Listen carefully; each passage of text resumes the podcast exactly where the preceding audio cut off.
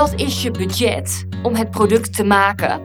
Wil je nog een prijs eraan kunnen plakken waarvan je denkt, hé, dat dan past goed in de markt, uh, dan, dan zit ik helemaal goed in de, in de consumentenprijs.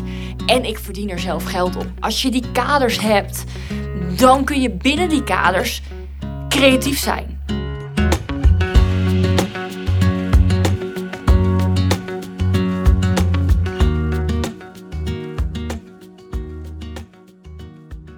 Binnen de kaders, buiten de kaders denken. Deze zin lijkt tegenstrijdigheid te hebben, maar heeft het, mijn inziens, eigenlijk niet. Als je binnen de kaders, buiten de kaders denkt, dan zorgen kaders juist voor creativiteit en juist voor uitbreiding.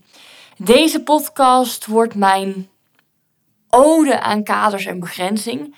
Wordt mijn visie op kaders en begrenzing, omdat ik weet dat creatievelingen en eigenlijk ook veel ondernemers een hekel hebben aan kaders. En kaders zien als iets belemmerends, als iets waardoor ze niet meer creatief kunnen zijn, als iets wat hun business tegenhoudt.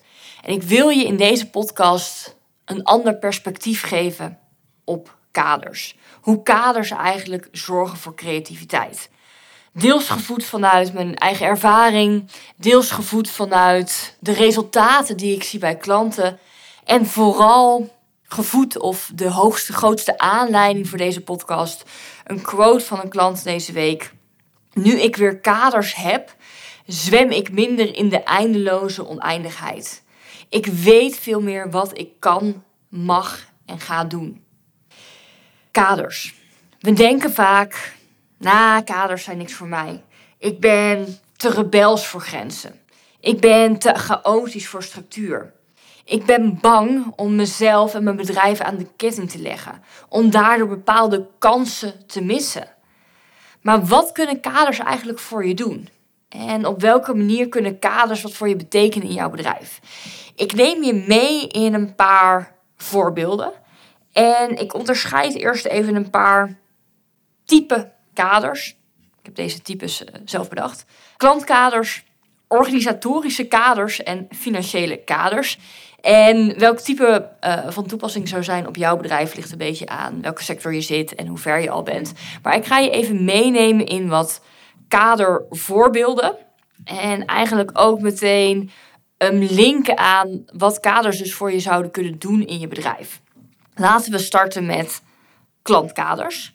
En dit stukje klantkaders kwam ook terug um, in mijn uh, Mastermind Agency groep.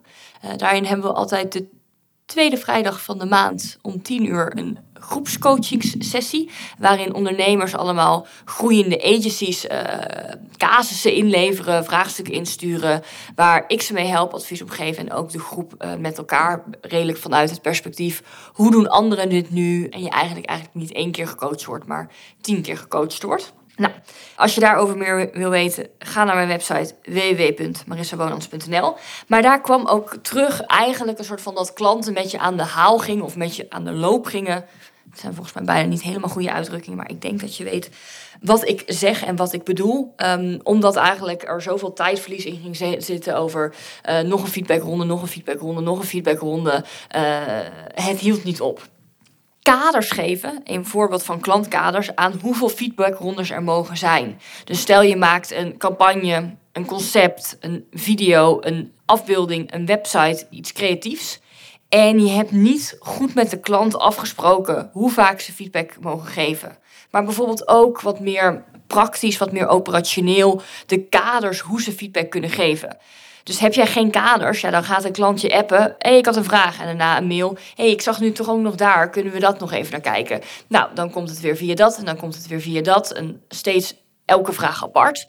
Terwijl als je ook kaders geeft. hey, je kunt twee feedbackrondes uh, hebben. Of je hebt twee feedbackrondes. Binnen die feedbackrondes willen we één mail of wat jij een uh, fijn communicatieplatform vindt. Zodat ook de klant bijvoorbeeld intern alle feedback uh, moet verzamelen. Mocht er bijvoorbeeld bij die klant meerdere partijen betrokken zijn. Bij uh, de campagne. Stel je hebt een videocampagne en binnen de klant waarvoor je het maakt, zijn er meerdere belanghebbenden, meerdere beslissingsbevoegden over deze campagne. Dan kun jij de kader stellen. hey, er zijn twee feedbackrondes. Ons hoofdaanspreekpunt verzamelt alle feedback binnen het bedrijf. En dan komt er één mail terug. Dat is het platform waarin we communiceren. En juist doordat jij die kader schetst naar je klant toe, weet de klant wat ze wel mogen doen, wel kunnen doen en vooral ook niet moeten doen. Iedereen heeft altijd behoefte aan duidelijkheid, want zonder duidelijkheid weet je ook simpelweg niet wat je moet doen. En dat is dan vaak ook helemaal geen kwade bedoeling. Maar dan denk je, nou, ze zullen het wel prima vinden als ik elke halve zin en eh, elke boe en ba uh, stuur. En als ik dan toevallig in mijn app zit, dan stuur ik het over WhatsApp en dan stuur ik het over de mail.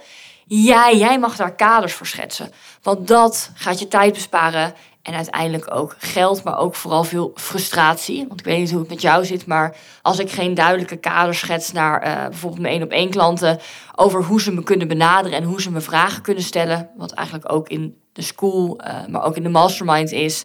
Zo stel je vragen aan me via dit platform en niet zus en zo. Ja, dan staat hier de hele dag de, de telefoon rood en loopt mijn WhatsApp de hele dag over. Ja, dan kom ik helemaal niet meer aan werken toe. Dat is niet de bedoeling. Dus stel die kaders ook voor je eigen rust. Maar ook bijvoorbeeld hele praktische klantkaders. Hoeveel dagen heeft een klant om iets te retourneren? Hoeveel dagen heeft een klant om feedback te leveren? Hoeveel dagen heeft een klant om de factuur te betalen? Uh, misschien is het überhaupt handig om vooraf te factureren. Weer iets anders. Maar omdat er kaders zijn, geef dat duidelijkheid naar de klant toe. En dus ook in je eigen proces, in je eigen tijdsbesteding. En tijd is misschien wel ons meest kostbare bezit. Dus hoe meer kaders, hoe helderder, hoe meer tijd er overblijft. Maar ook organisatorische kaders. Bijvoorbeeld de kaders hoe lang een personeelslid over iets mag doen. Hoeveel uur er voor een taak staat zodat zij op hun beurt uh, weer creatief kunnen zijn binnen de kaders. En dat is bij de ene functie wat meer aan de hand dan bij de andere functie. Als jij creatieve medewerkers hebt, is het fijn als ze bijvoorbeeld een paar kaders hebben qua, oké, hoe lang doe je erover? Zodat je ook kan kijken van, hey, is dat uitbesteden um, wel winstgevend in het grote plaatje?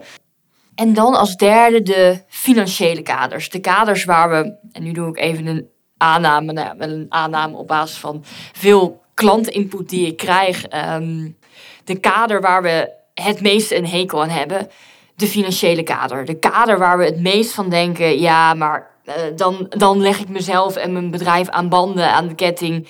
En dat werkt niet voor mij. Weet je, ik moet gewoon in de flow creëren.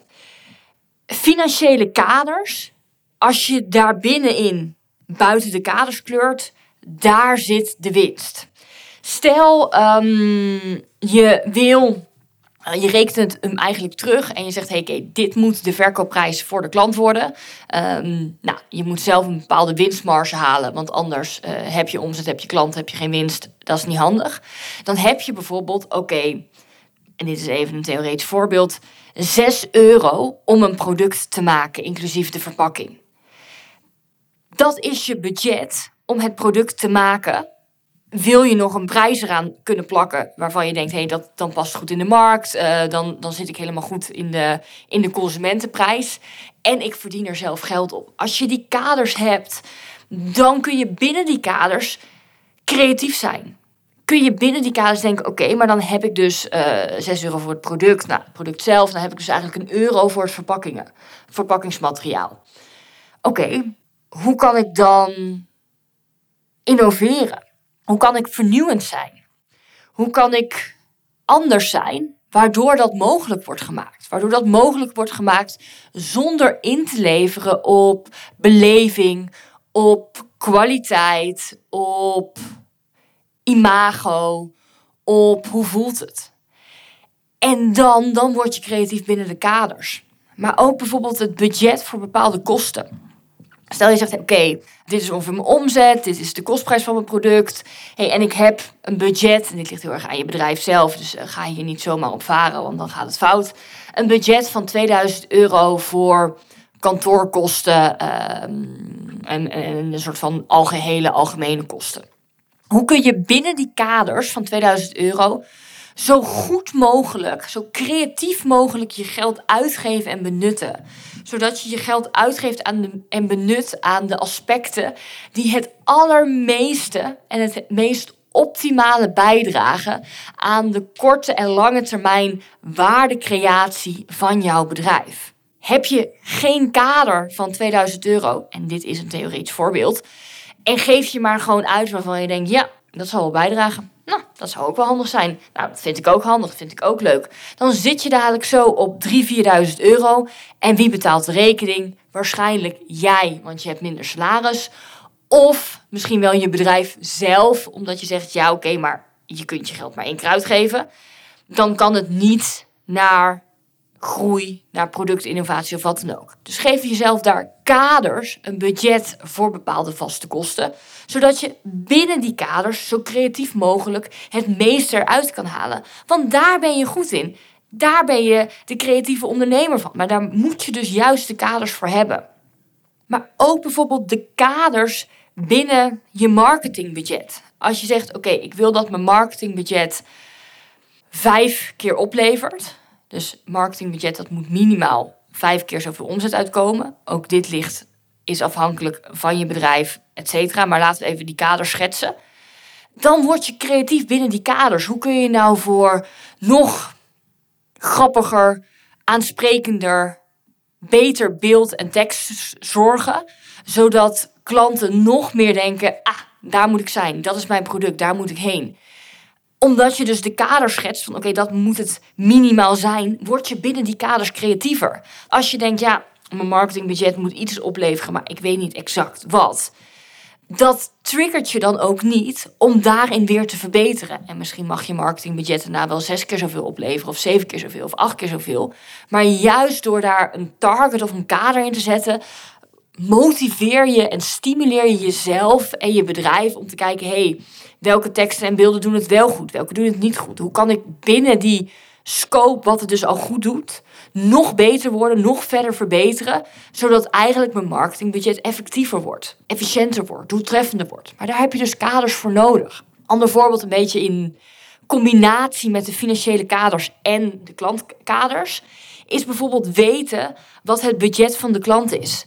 En ik geloof er niet heel erg in om te vragen: hey, wat is je budget? Want dan zeggen ze bijna altijd: nou, uh, niks, uh, zo min mogelijk.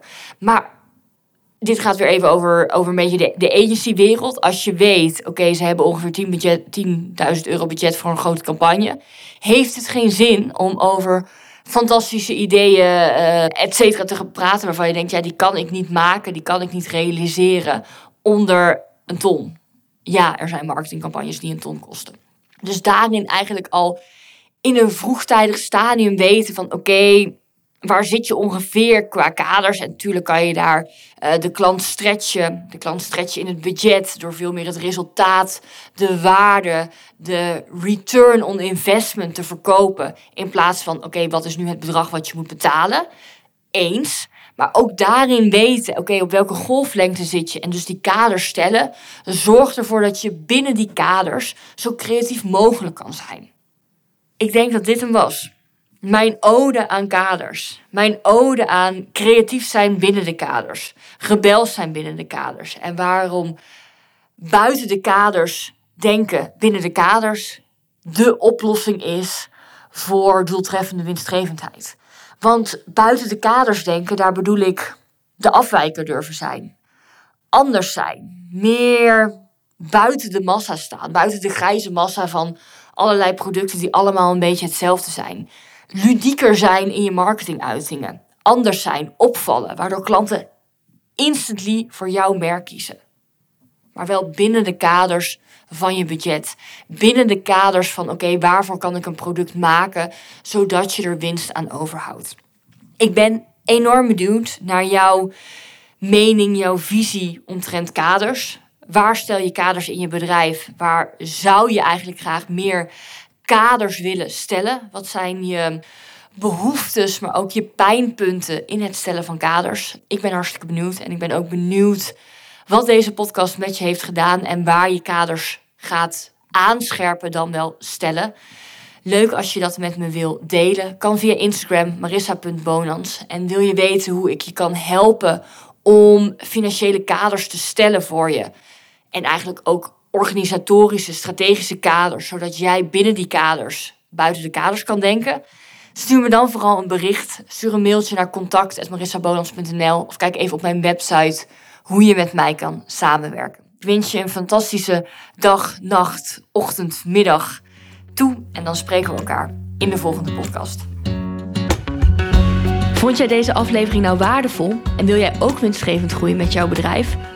Stuur me dan vrijblijvend een DM op Instagram, marissa.bonans. Stuur me een mail op contact.marissabonans.nl of neem een kijkje op mijn website www.marissabonans.nl. Ik spreek je snel.